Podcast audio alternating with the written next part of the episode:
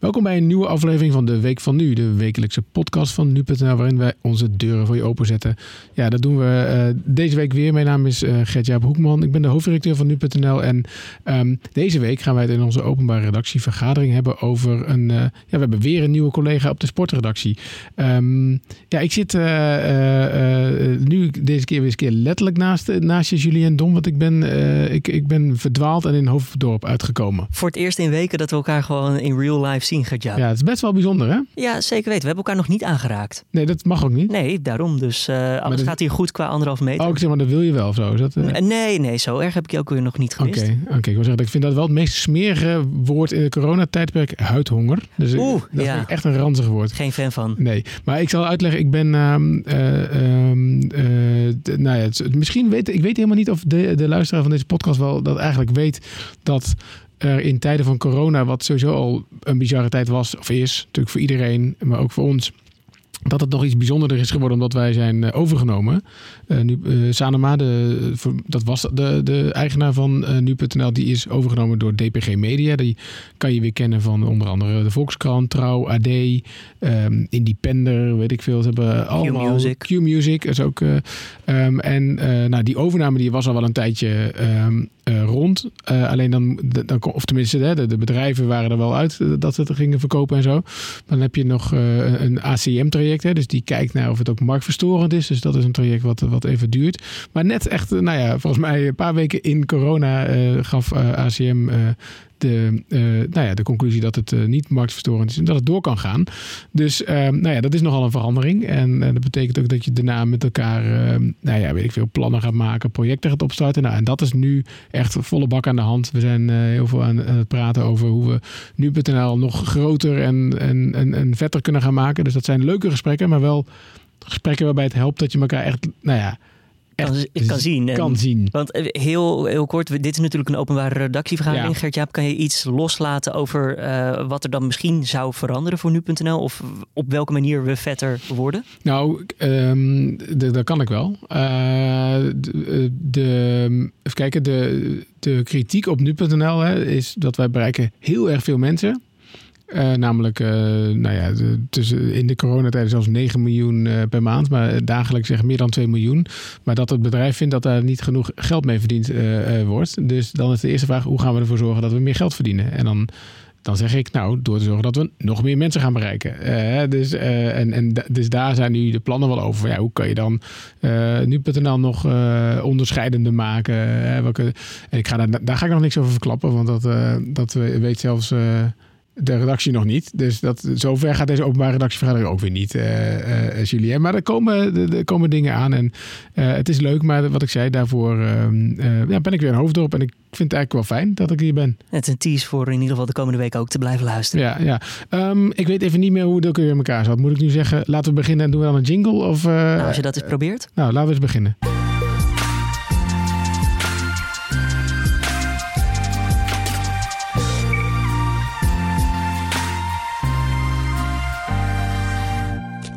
Het werkte, Gert, ja.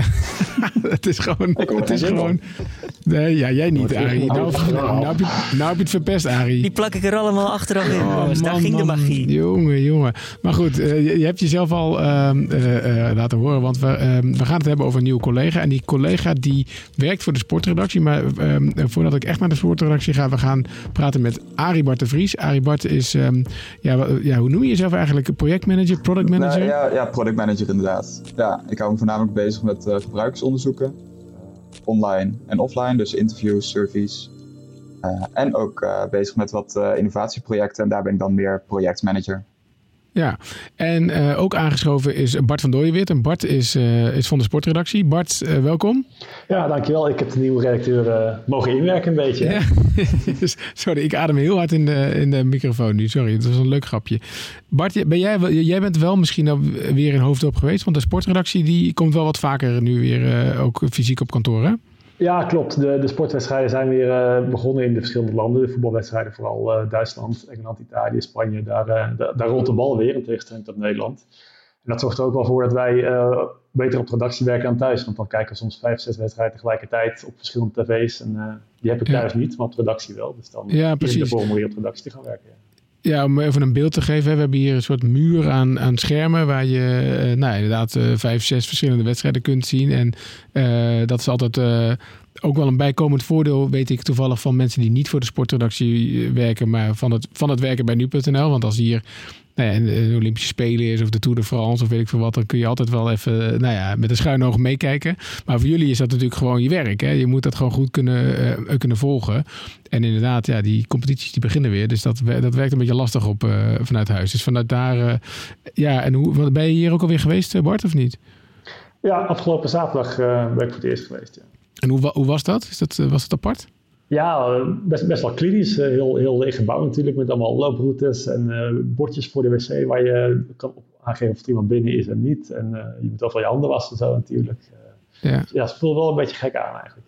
Ja, ja mijn, mijn observatie is overigens ook wel dat mensen nu ver, veel vergeten het bezetknopje van de wc weer terug te ja, zetten. Ja, dan blijft hij eeuwig bezet hè.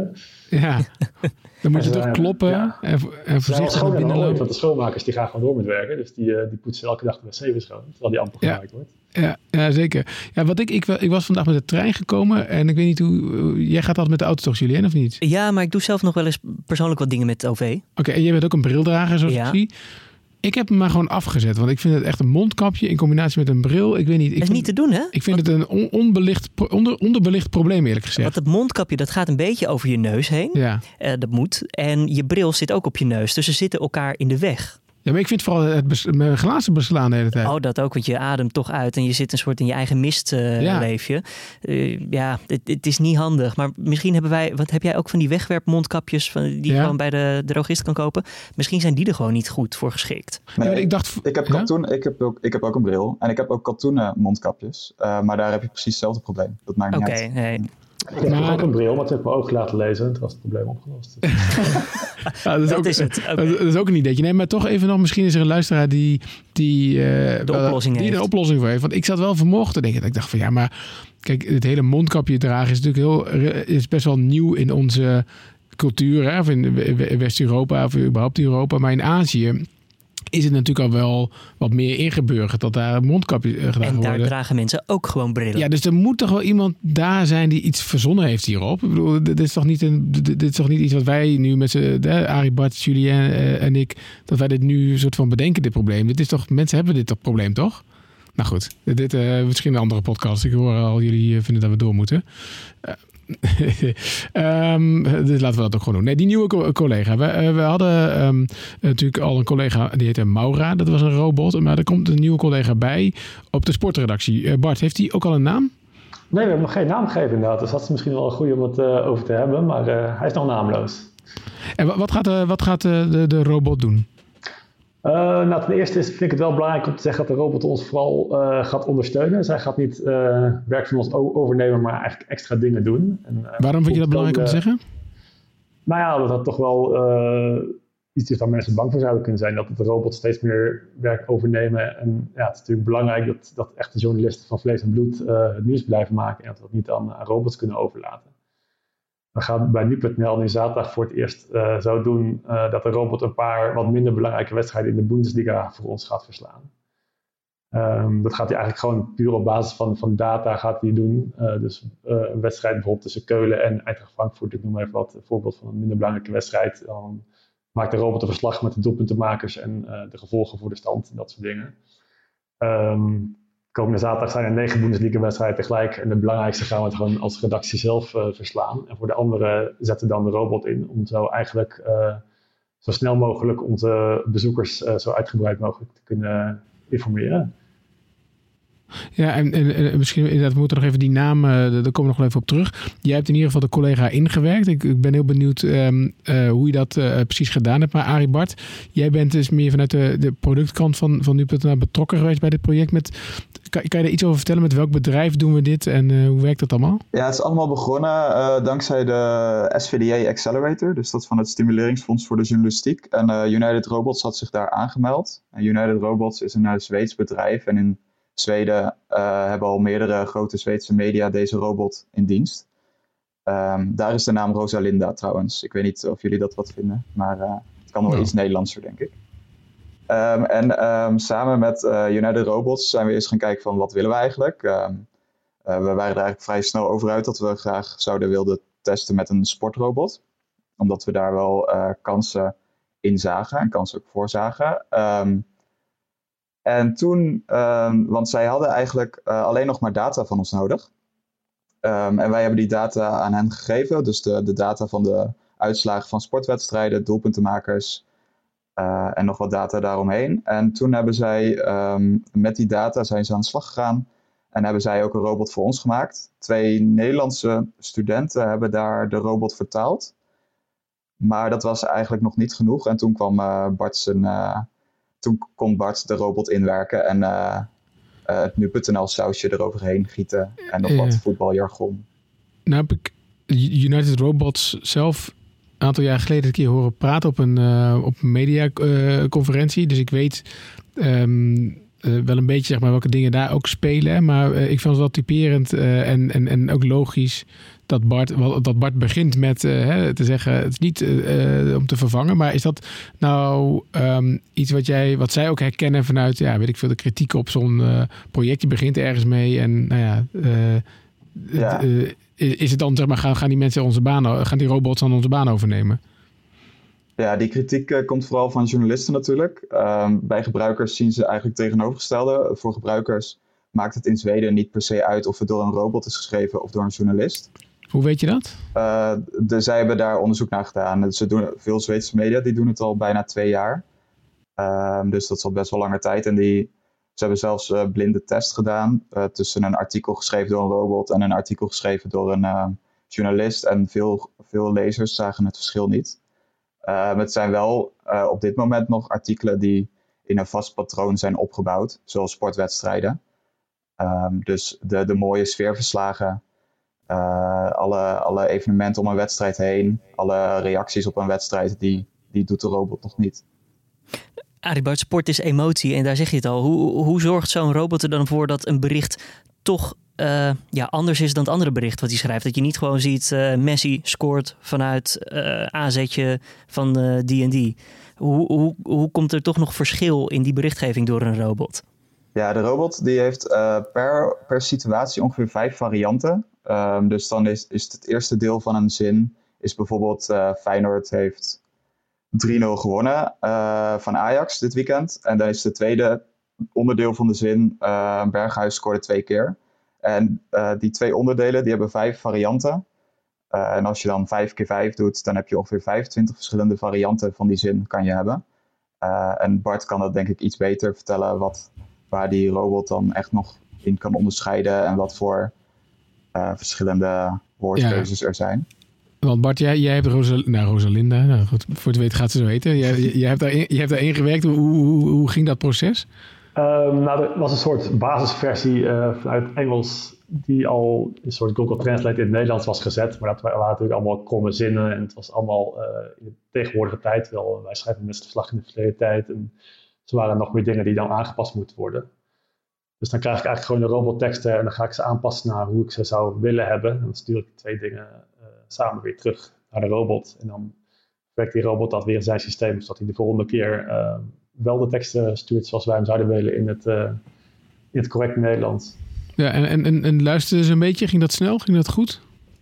vaak wel, soms niet. Soms, soms blijven er, waren er wel repeterende fouten, maar over het algemeen leert hij best wel snel. En, ja, ze, het United Robots heeft het project in meerdere landen uitgezet, niet alleen in Zweden. Dus ze zijn natuurlijk best wel redelijk ervaren al de afgelopen paar jaar in hoe ze dat snel kunnen ontwikkelen. Dus dat is wel, ik heb er de afgelopen denk ik, twee maanden ongeveer wekelijks één keer in de twee weken aan gezeten. En uh, je merkt wel echt dat hij met stappen vooruit gaat. Ja.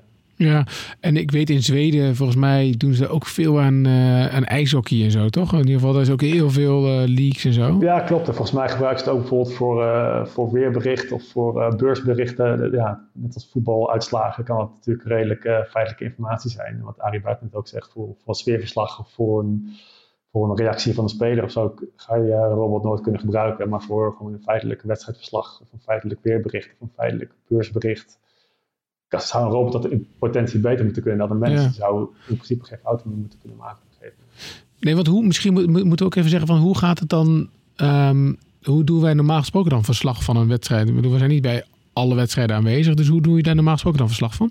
Ja, klopt. Als er bijvoorbeeld vier wedstrijden bezig zijn, dan kies je de belangrijkste wedstrijd uit waar je naar kijkt. En van de andere zie je dan de tussenstand of de uitslagen. En aan de hand daarvan schrijf je er nog van uh, Borussia Dortmund heeft trouwens ook gewonnen. En die staan nu tweede in de Bundesliga. En uh, Jantje en Pietje maken de doelpunten.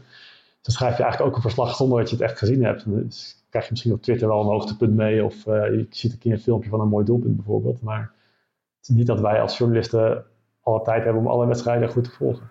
Maar Bart, maakten we daar dan, wat je zegt, wel een los bericht van? Of deden we dat tussen neus en lippen door even in een ander bericht? Of alleen in het live blog wat we bijvoorbeeld hebben op sport? Meestal hebben we dan van, van de hele Bundesliga speelronde één nieuwsverslag. Waarin we meestal dan bij een München of de andere belangrijkste wedstrijd uh, als hoofdbericht kiezen. Als de insteek van bericht. En daaronder worden dan ook kort de, de andere uitslagen vermeld.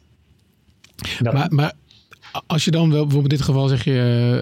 Um, stel je ervoor dat je, je, je, je kijkt wel echt naar een wedstrijd. Zeg maar, hoe zou dan een, een verslag zoals jij hem zou maken dan anders zijn, denk je, dan zoals Rosalinda die maakt?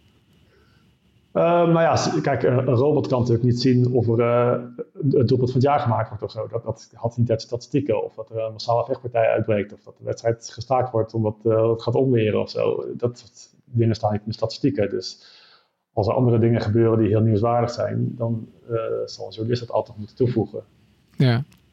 Zit er ook nog duiding in of zo? Ja, dat is eigenlijk duiding. Hè? Ik bedoel, of ze, ja, maar ja. dat kan de robot dus ook. Hè? De robot kan ook zien, je ziet in de ene oogopslag van uh, bij de Bremen heeft nu voor de zesde keer op rij verloren. En nu verliezen ze weer. Dus het is de zevende nederlaag op rij bij de Bremen. En zo begint hij het verhaal dan ook. Ja. Uit statistieken kan hij dan ook heel veel nieuws maken. Ja, precies. Welke um, toepassingen zie jij voor, zie jij voor nu.nl, uh, Bart? Zeg maar, als het over sport gaat eventjes. Wat, wat, wat gaan jullie nu mee, ja. mee experimenteren live? Hè? Mensen kunnen meekijken, maar waar zijn we over een jaar? Uh, dat is natuurlijk nog maar de vraag, want wat je zegt, dit is de eerste test. We moeten nu, uh, nu gaan we eigenlijk kijken of het voor ons goed werkt. En daarna gaan we pas nadenken wat voor ons bruikbaar is. En hoe ik het zelf een beetje voor mijn ogen zie, is dat we bijvoorbeeld amateurwedstrijden uit de hoofdklasse, uit de tweede divisie, derde divisie, dat we die bijvoorbeeld op de regionale pagina's van nu.nl zouden kunnen plaatsen dat mensen die uh, uit, uh, uit Kampen inloggen de, de, uitslag van de amateurclub van Kampen kunnen zien. Do Dos Kampen. Een geschreven artikel. Ja, Dos Kampen. Of Go Ahead, Go Ahead Kampen kan ook. Ja, die ja. ook nog. Uh, ja. Dus daarom, het is vooral een, een toevoeging. Niet, niet een, Kom daar uit de buurt, uh, Julien, voordat okay. je denkt dat ik alle amateurclubs ken. Maar, maar het is niet een, ver, een verplaats, of ja, hoe zeg je dat? Het is niet een, de robot gaat niet onze plaats van de redactie innemen. Die gaat vooral extra dingen doen waar we nu gewoon niet aan toe komen. Ja, precies. Of, of juist, hè, dat kan natuurlijk wel, dat die robot um, misschien wel een beetje gaat doen wat jullie nu doen, maar zodat jullie weer andere dingen kunnen gaan doen, toch? Dat zou ook kunnen? Ja, klopt. Uh, ja, en wij hebben ook niet al meteen door, het voorbeeld wat ik net geef, dat wij de Bremen voor de zevende keer op rij verliest. En zo'n robot ziet dat natuurlijk wel meteen. Dus die kan het, ja, dan kun je het ook door de robot daar, daarop komen, zeg maar. Ja, en Arie Bart, vanuit, het, uh, vanuit jouw kant, zeg maar, welke toepassingen zie jij? Um, ja, zoals ik, net, zoals ik net zei, het, wat de robot nu kan, uh, zijn eigenlijk uh, artikelen die in een vast patroon zijn opgeschreven. En we hebben bijvoorbeeld elke ochtend het weerbericht. Um, dat is nu een weerbericht voor heel Nederland en dat is vrij algemeen. Maar we zouden bijvoorbeeld voor iedereen's locatie specifiek een weerbericht op nu.nl kunnen zetten. Uh, hetzelfde geldt voor verkeer. Uh, nu is er eigenlijk weinig verkeer natuurlijk, weinig files. Maar als dat weer een beetje aantrekt, dan, dan zou de robot dat ook prima kunnen schrijven. Uh, daarnaast kan de robot ook bijvoorbeeld 112 berichten, beurskoersen. Um, in, ja. in Zweden is het heel groot, of is, um, daar is het heel populair om te lezen door wie een huis is gekocht. En al die data is daar ook openbaar. In Nederland is dat iets lastiger. Uh, maar net als dat wij hier fan zijn van Funda, is dat wel een van de meest gelezen uh, berichten door de robot. De robot is eigenlijk... bekende buren.nl, toch? Ja, precies, ja. Maar daar staat niet elk huis in jouw buur, buurt op uh, wat, ver, wat gekocht en verkocht is. Ja. En er staat ook nee. de overwaarde erbij en zo. Dus misschien dat dat ooit nog in de toekomst ook wel ja. Best wel gluurders, die Zweden dus eigenlijk. Ja, eigenlijk wel, hè? Ja, een beetje net doen alsof ze introvert zijn allemaal. Ja. En ondertussen allemaal pushberichten krijgen van wat er in de buurt gebeurt. Ja, ja nee, ik, ik, wat, wat jij zei Bart, dat zie ik ook nogal gebeuren hoor. En ik, ik denk wel dat voor ons dan de uitdaging is van hoe vind je dan, zeg maar, hoe vinden die, al die verslagen hun weg dan? Hè, naar, ja, dus ik ben misschien een best wel gek voorbeeld, maar ik zei net, ik kom uit de buurt van Kampen. Um, uh, ik woon inmiddels al, uh, zeg maar, langer in Utrecht. Dus ik weet niet of nu.nl het helemaal door heeft. Wat ik wel zou willen weten, hoeveel sportclub Genemuiden het gedaan heeft. En daar wil ik ook wel een verslag van, van lezen. Dat lees ik nu eigenlijk niet. Ehm, dus dat, is wel, dat zijn wel mooie toepassingen volgens mij. Ja, klopt. Je kunt net wat, ja, je kunt net wat meer dingen bieden waar je, waar je normaal gesproken niet aan toe komt. Gewoon omdat je een klare tekst krijgt, die dan eigenlijk alleen maar hoeft te knippen en te plakken, foto erbij. Je hebt, je hebt het verslag van kampen waar je anders misschien een kwartier mee bezig bent als redacteur als je het zelf moet doen. Ja. En als we het hebben over uitdagingen, Bart. Um, jij hebt de Rosalinde dus ingewerkt. Wat wilde zij nou niet begrijpen waarvan jij dacht... nou, dit moet je toch snappen, ik leg het nog zo duidelijk uit. Um, het verschil tussen, tussen uit en thuis vond ik heel lastig. Um, op een gegeven moment had ik een keer ergens iets aangepast. Uh, had ik dan iets de thuisploeg genoemd. En toen dacht ik dat de thuisploeg gewoon een, een synoniem was voor uh, de ploeg. Dus dan was het best alles de thuisploeg. En we maakten uitploeg een doelpunt. Dan was het weer de thuisploeg. En uh, dan moet je eigenlijk helemaal teruggaan naar de basis. Wanneer die variatie het eerst is gewisseld. En als je dat weer zien terug te vinden, is dat die dat, dat weer goed kan tweaken. En er zijn er wel meer kleine dingetjes dat je denkt van ja, ik heb het toch uitgelegd, maar kennelijk begrijp ja, je moet het dus waarom natuurlijk heel secuur uitleggen wat hij moet doen. Ja. Dus dat, dat kon soms wel lastig zijn. Ja. je hebt wel eens van die dystopische, um, mooi woord trouwens, dat las ik vanmorgen op nu.nl. Ik zit helemaal in dysto dystopische uh, vergezichten dat robots, robots de wereld gaan overnemen. Maar als ik jou zo hoor, dan ben je daar niet zo bang voor. Nee, dat zou ik ook zelf als journalist uh, niet willen. Want, ja, nee, ik bedoel gewoon de mensheid hoor. Gewoon dat ja. ze ineens denken van uh, wat nou, uh, dat de Rosaline zegt, hoezo Bart zit jij mij in te werken? Ik ga jou eens inwerken. nou, kan ik af erover leren. Nee. Ja, nee, die mensen blijven natuurlijk behoefte houden aan, aan sfeerverslagen, aan interviews, aan, aan andere soortige verhalen die, die de robot niet kan maken, nooit zou kunnen maken, denk ik. Nee, zeker weten. Overigens, het is informatie die die toevoeging kan zijn. Ja, toen we net een beetje aan het babbelen waren voordat de, de openbare redactievergadering bestond, uh, of gebeur, begon, uh, hadden we het even over voetbalmanager. Uh, Zo'n nerdspel is dat, als je dat niet weet. Um, uh, ik moest ook aan denken, daar zitten ook al heel veel natuurlijk geautomatiseerde teksten in. Maar ook bijvoorbeeld uh, uh, FIFA, als je FIFA speelt, het commentaar. Ja, dat is, dat is ook um, natuurlijk een soort van een, ja, een trigger die, die losgaat. Daar hebben ze ook al een manier van natuurlijk. ja, dat is gewoon vooraf ingesproken. Ze plakken het erin wanneer de bal over de zijlijn gaat, dan krijg je horen. En als iemand overtreding maakt, dan heb je ook drie varianten die de commentator daar roept. Ja. Maar trouwens, Julien, wist jij ook al dat er computers zijn die heel goed uh, mensenstemmen kunnen nadoen? wil jij nu dat, uh, wil jij mijn woorden in de mond leggen? Of, uh... Nee, helemaal niet, maar okay. wel... Misschien zijn we daar ook al mee bezig, Julien. Ja, nou, het zou betekenen dat ik niet meer om vier uur hoef op te staan. Dus daar zit wat mij betreft ook al iets positiefs aan. ja, en dan kun jij weer mooie lange reportages maken. Hey, Daarom, nou, lekker op pad. En dan uh, ga ik wel dat sfeerverslag langs het veld doen. Uh. Nou, hartstikke mooi. Hey, jongens, uh, dus dit weekend kun je dat lezen op nu.nl? Oh ja, daarover wordt het nog ergens aangegeven wie Rosalinde is en wie, welk bericht door de redactie is? Ja, klopt. Gewoon halverwege het bericht komt een soort cursief tekstje van de tekst hieronder. Die is door de robot gemaakt. laat ook vooral weten wat je wel vindt. En, ja, dat is eigenlijk de eerste test. En ja, we gaan, we gaan gewoon kijken of dit voor ons bevalt, of dit voor de lezers bevalt. En het kan ook zo zijn dat ze zeggen, dat denken het helemaal niks, we stoppen er mee. Maar uh, ja, er is wel veel mogelijk mee. Ja, zeker. Nou, ik vond het sowieso tof dat jullie ook even hier uh, teksten uitleg gaven bij, uh, ja, bij dit experiment. En nou ja, ik ben ook benieuwd te luisteren wat je hiervan vindt. En check het, ook als je de Bundesliga misschien niet interessant vindt, maar le lees het even en geef je feedback, want daar wordt het volgens mij alleen maar beter van, toch Aribart? Ja, klopt. Ja. Met alle feedback zijn we blij, negatief tot positief. Dus morgen om half zes staat het denk ik online. Top. Dus alles goed nou, hart, hartstikke bedankt. Zijn er nog vragen? Er is weer post binnengekomen.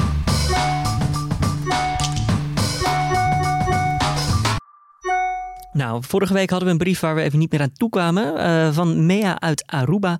En die vraagt uh, zich eigenlijk af waarom we redelijk vaak tutoyeren bij uh, sprekers in de dagelijkse Dit wordt het nieuws ochtend- en middagpodcast.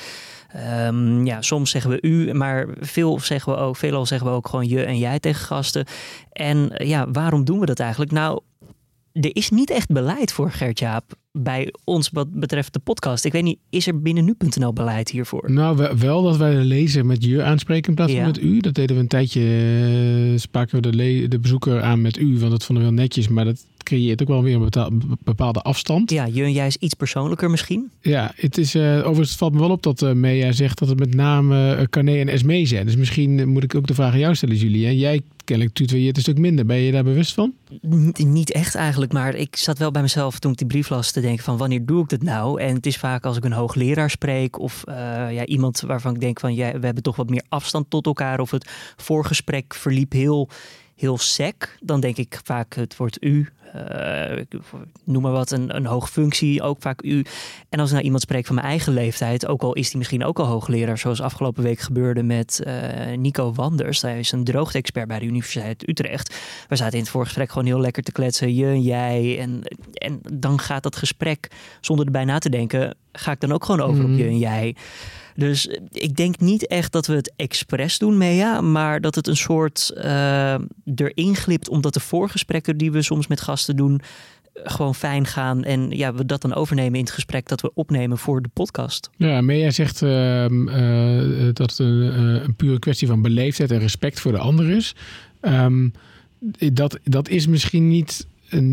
Het is dus niet een, een di- disrespect of zo, maar ik, ik, ja, het is misschien wel iets waar we wat beter over kunnen nadenken. En ook- Ja, dus sommige mensen zeggen ook graag van, noem- zeg alsjeblieft je en jij, anders voel, ik- voel, ik, voel ik me zo Ja. oud bijvoorbeeld. Dat hoor je ook wel eens van Ja. gasten. Maar er hoort ook wel eens op tv, in, in talkshows, dan mensen juist dat weer uitleggen. Hè? We Ja. hebben afgesproken dat we je en jij. Hè? Klopt, maar ja, om dat nou elke dag twee keer uit te leggen, dat vind ik ook een beetje Ja. overdreven.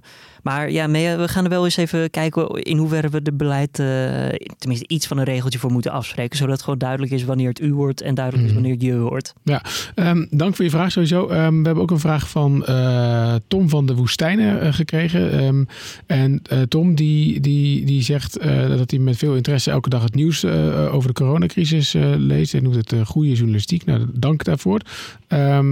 Ook de podcast weet het nieuws goed gedoseerd te brengen.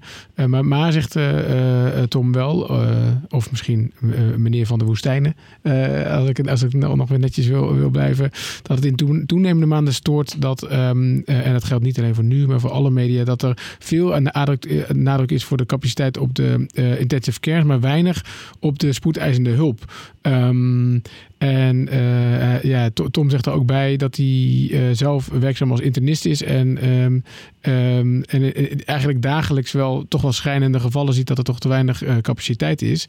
Zeker in de maanden maart, april. Ehm, eh, hij zegt misschien is dat een idee om daar eens een artikel aan te wijden. Nou, ik vind het eigenlijk wel een goed idee. Tenminste, ik, laten we dat eens even bespreken met de redactie. Mijn eerste antwoord zou zijn, Tom, op jouw observatie dat misschien de, de, de IC, hè, de, dus het tekorten daar wel, wel, wel sneller, zeg maar, echt nou ja, dodelijk is en veel problematischer dan, denk ik hoor, spoedeisende hulp. Maar misschien heb je daar een andere kijk op, maar dat zou wel een, een verklaring kunnen zijn. Nou, we gaan eh, ja, kijken hoe we dit kunnen invullen inderdaad. Want eh, ja, ideeën zijn altijd welkom. Stuur ze in hè, via podcast.nu.nl. Yes. Ehm, ja, inmiddels, eh, ja, wordt er wel het- ik moet het wel vaker eh, concluderen, maar veel luisteraars van, eh, van deze podcast die wonen niet in Nederland.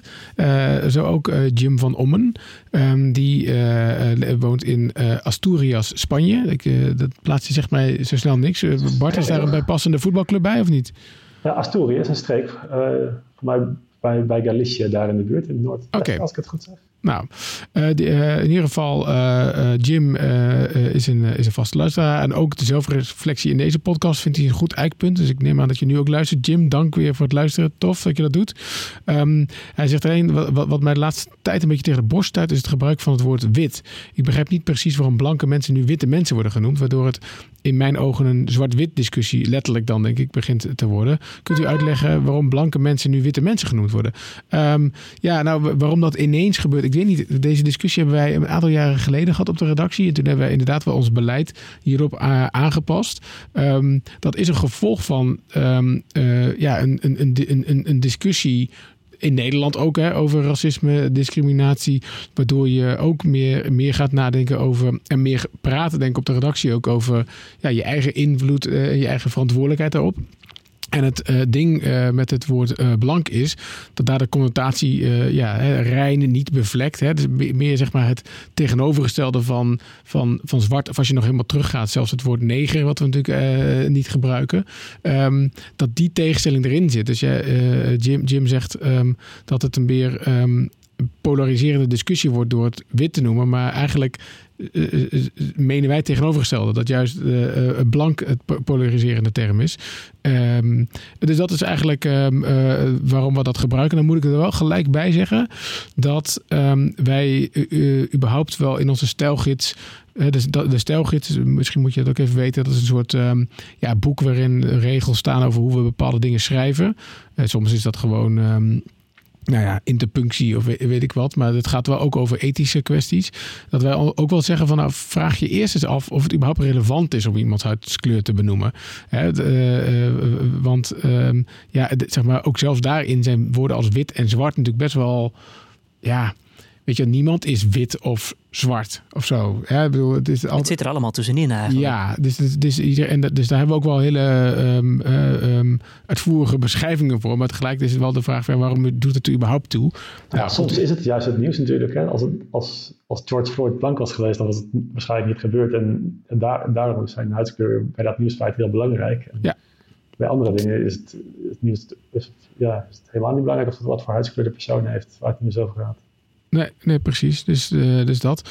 Um, even kijken, we hadden nog een um, vraag van uh, Auri, wil ik nog even behandelen. Auri, um, die, uh, die ja, dat is eigenlijk meer, ja, trouwens, die zouden we helemaal niet behandelen. Dat is eigenlijk meer een verhalenidee. En dat vind ik eigenlijk best wel een goed, goed idee. Die zegt, ja, ze luistert wekelijk, wekelijks naar de podcast. En ik heb het laatste weken mezelf afgevraagd of de IC-capaciteit voldoende was geweest als de recent gesloten ziekenhuizen financiële steun hadden gekregen van de overheid. Dus eigenlijk is de vraag van Auri, hadden we meer capaciteit gehad als we meer ziekenhuizen hebben gehad? En dat vind ik wel een goede vraag. Dus die, uh, die sturen we gelijk door naar de redactie. Dank ik, ik denk daarvoor. niet dat ze de IC bij hebben weggegooid als een ziekenhuisgebied gaat. Zou ik, zou ik zeggen. Dus, het is een goede vraag, Bart. Ik weet het niet. Ik weet het niet. We gaan het uitzoeken. Um, tot slot een vraag van Suzanne. Suzanne is back, want we hadden vorige week natuurlijk ook al uh, uh, een vraag van haar, uh, haar, behandeld. Maar ze zei inderdaad van, geef even du duidelijk aan of het, um, of het duidelijk was. En um, nou, ze zegt bedankt voor het bespreken van mijn reactie. Erg leuk om te luisteren. nou, en het is, de, ze vond dat ze de vraag niet duidelijk genoeg geformuleerd had. Maar het is haar wel duidelijk geworden.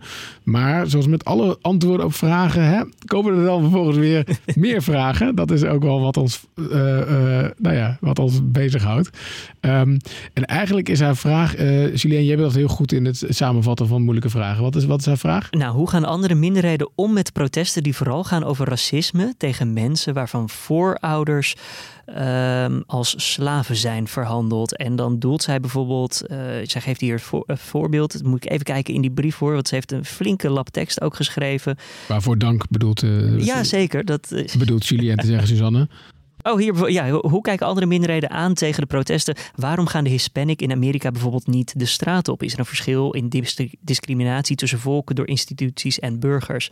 Ja, ze zegt er zijn zoveel uh, ja, etnische afkomsten als het ware. Lijkt het nu alsof, er, alsof we ons heel erg focussen op één specifieke groep?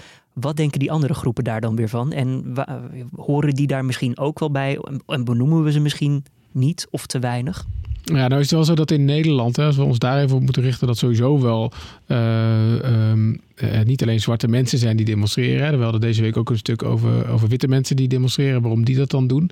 Um, kijk, de aanleiding, hè, zoals Bart net ook al zei, was natuurlijk de, de, de dood van een zwarte uh, man door politiegeweld. Hè. Dus dan is het wel logisch dat in eerste instantie het daarover gaat. Maar het, zeg maar het gesprek wat gevoerd wordt of moet worden, is natuurlijk een veel breder verhaal. Het gaat niet alleen over, over, over zwart en wit. Het gaat over discriminatie en, en, ongelijke behandeling in alle zeg maar, facetten. Um, en volgens mij hoor, maar is, is, hoor je dat ook wel terug op die, uh, op die, uh, op die demonstraties. Maar dat, um, dat, dat, misschien, ik weet niet of dat in Amerika zo is, want dat, dat, dat, dat, dat weet ik eigenlijk niet. Maar goed, hè? Suzanne, je zegt zelf ook, wat zeg je nou? Deze vraag is misschien wel heel groot. Ja, want er zijn heel veel volken en belevingen. En dat is ook zo. Ja, ja dat is ook zo. Alleen... beeld van prestaties zie ik, zie ik alles van zwart tot wit en alles ertussenin wel. Dus het is voor mij gewoon iedereen die protesteert tegen iets in plek van allerlei verschillende groepjes die protesteren. Nee, daarom. Het, maar het is natuurlijk wel onder de noemer van Black Lives Matter. En dat, Ja. en dat, en dat heeft natuurlijk een bepaalde aanleiding. Alleen, ehm, ja, weet je, het gaat, gaat niet alleen daarom. En eh, nou ja, zoals ik vorige week, Suzanne, ook in onze podcast vertelde over de code van Bordeaux, is het in ieder geval vanuit nu.nl bezien, gaat het niet zozeer om alleen racisme. Het gaat om discriminatie. En het gaat om alle ongelijkheid, zeg maar, waar je tegen wil, wil, wil strijden. Dus dat, eh, nou ja, dus dat, dat, dat eh, ik hoop dat dat een antwoord is op je vraag, Suzanne. Maar hey, je weet ons te vinden. Dus stuur gerust nog honderd vragen op, toch? Ja, zeker weten. En we hebben meer post gekregen, maar daar komen we voor vandaag niet meer aan toe. Dat nemen we mee naar volgende week. Dus je kan altijd je vragen insturen naar de podcast. Ik zei net ad of apenstaartje nu.nl. Ja, denk jij, eh, Julien, dat dit iets met eh, corona te maken heeft? Of dat we gewoon, want ik heb het gevoel dat we steeds meer vragen krijgen en dingen. Dat, ik vind het fijn hoor. Maar, ja, we kiezen ook denk ik steeds meer de onderwerpen uit die echt daadwerkelijk vragen opleveren. Ehm, dat, we- een, een onderwerp wat we niet per se met een ja of nee kunnen beantwoorden in een podcast. hmm. En ja,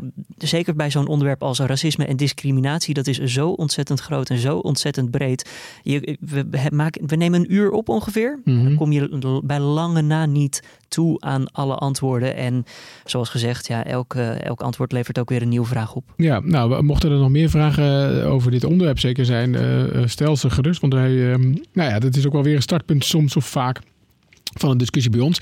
En ehm, eh, ben jij of ken jij iemand die ook bang is dat ze robots eh, zijn werk overnemen? Dan mag je ook mailen, eh, want dan gaan we daar ook nog verder over, over praten. Arie, Bart en Bart, super bedankt voor jullie tijd.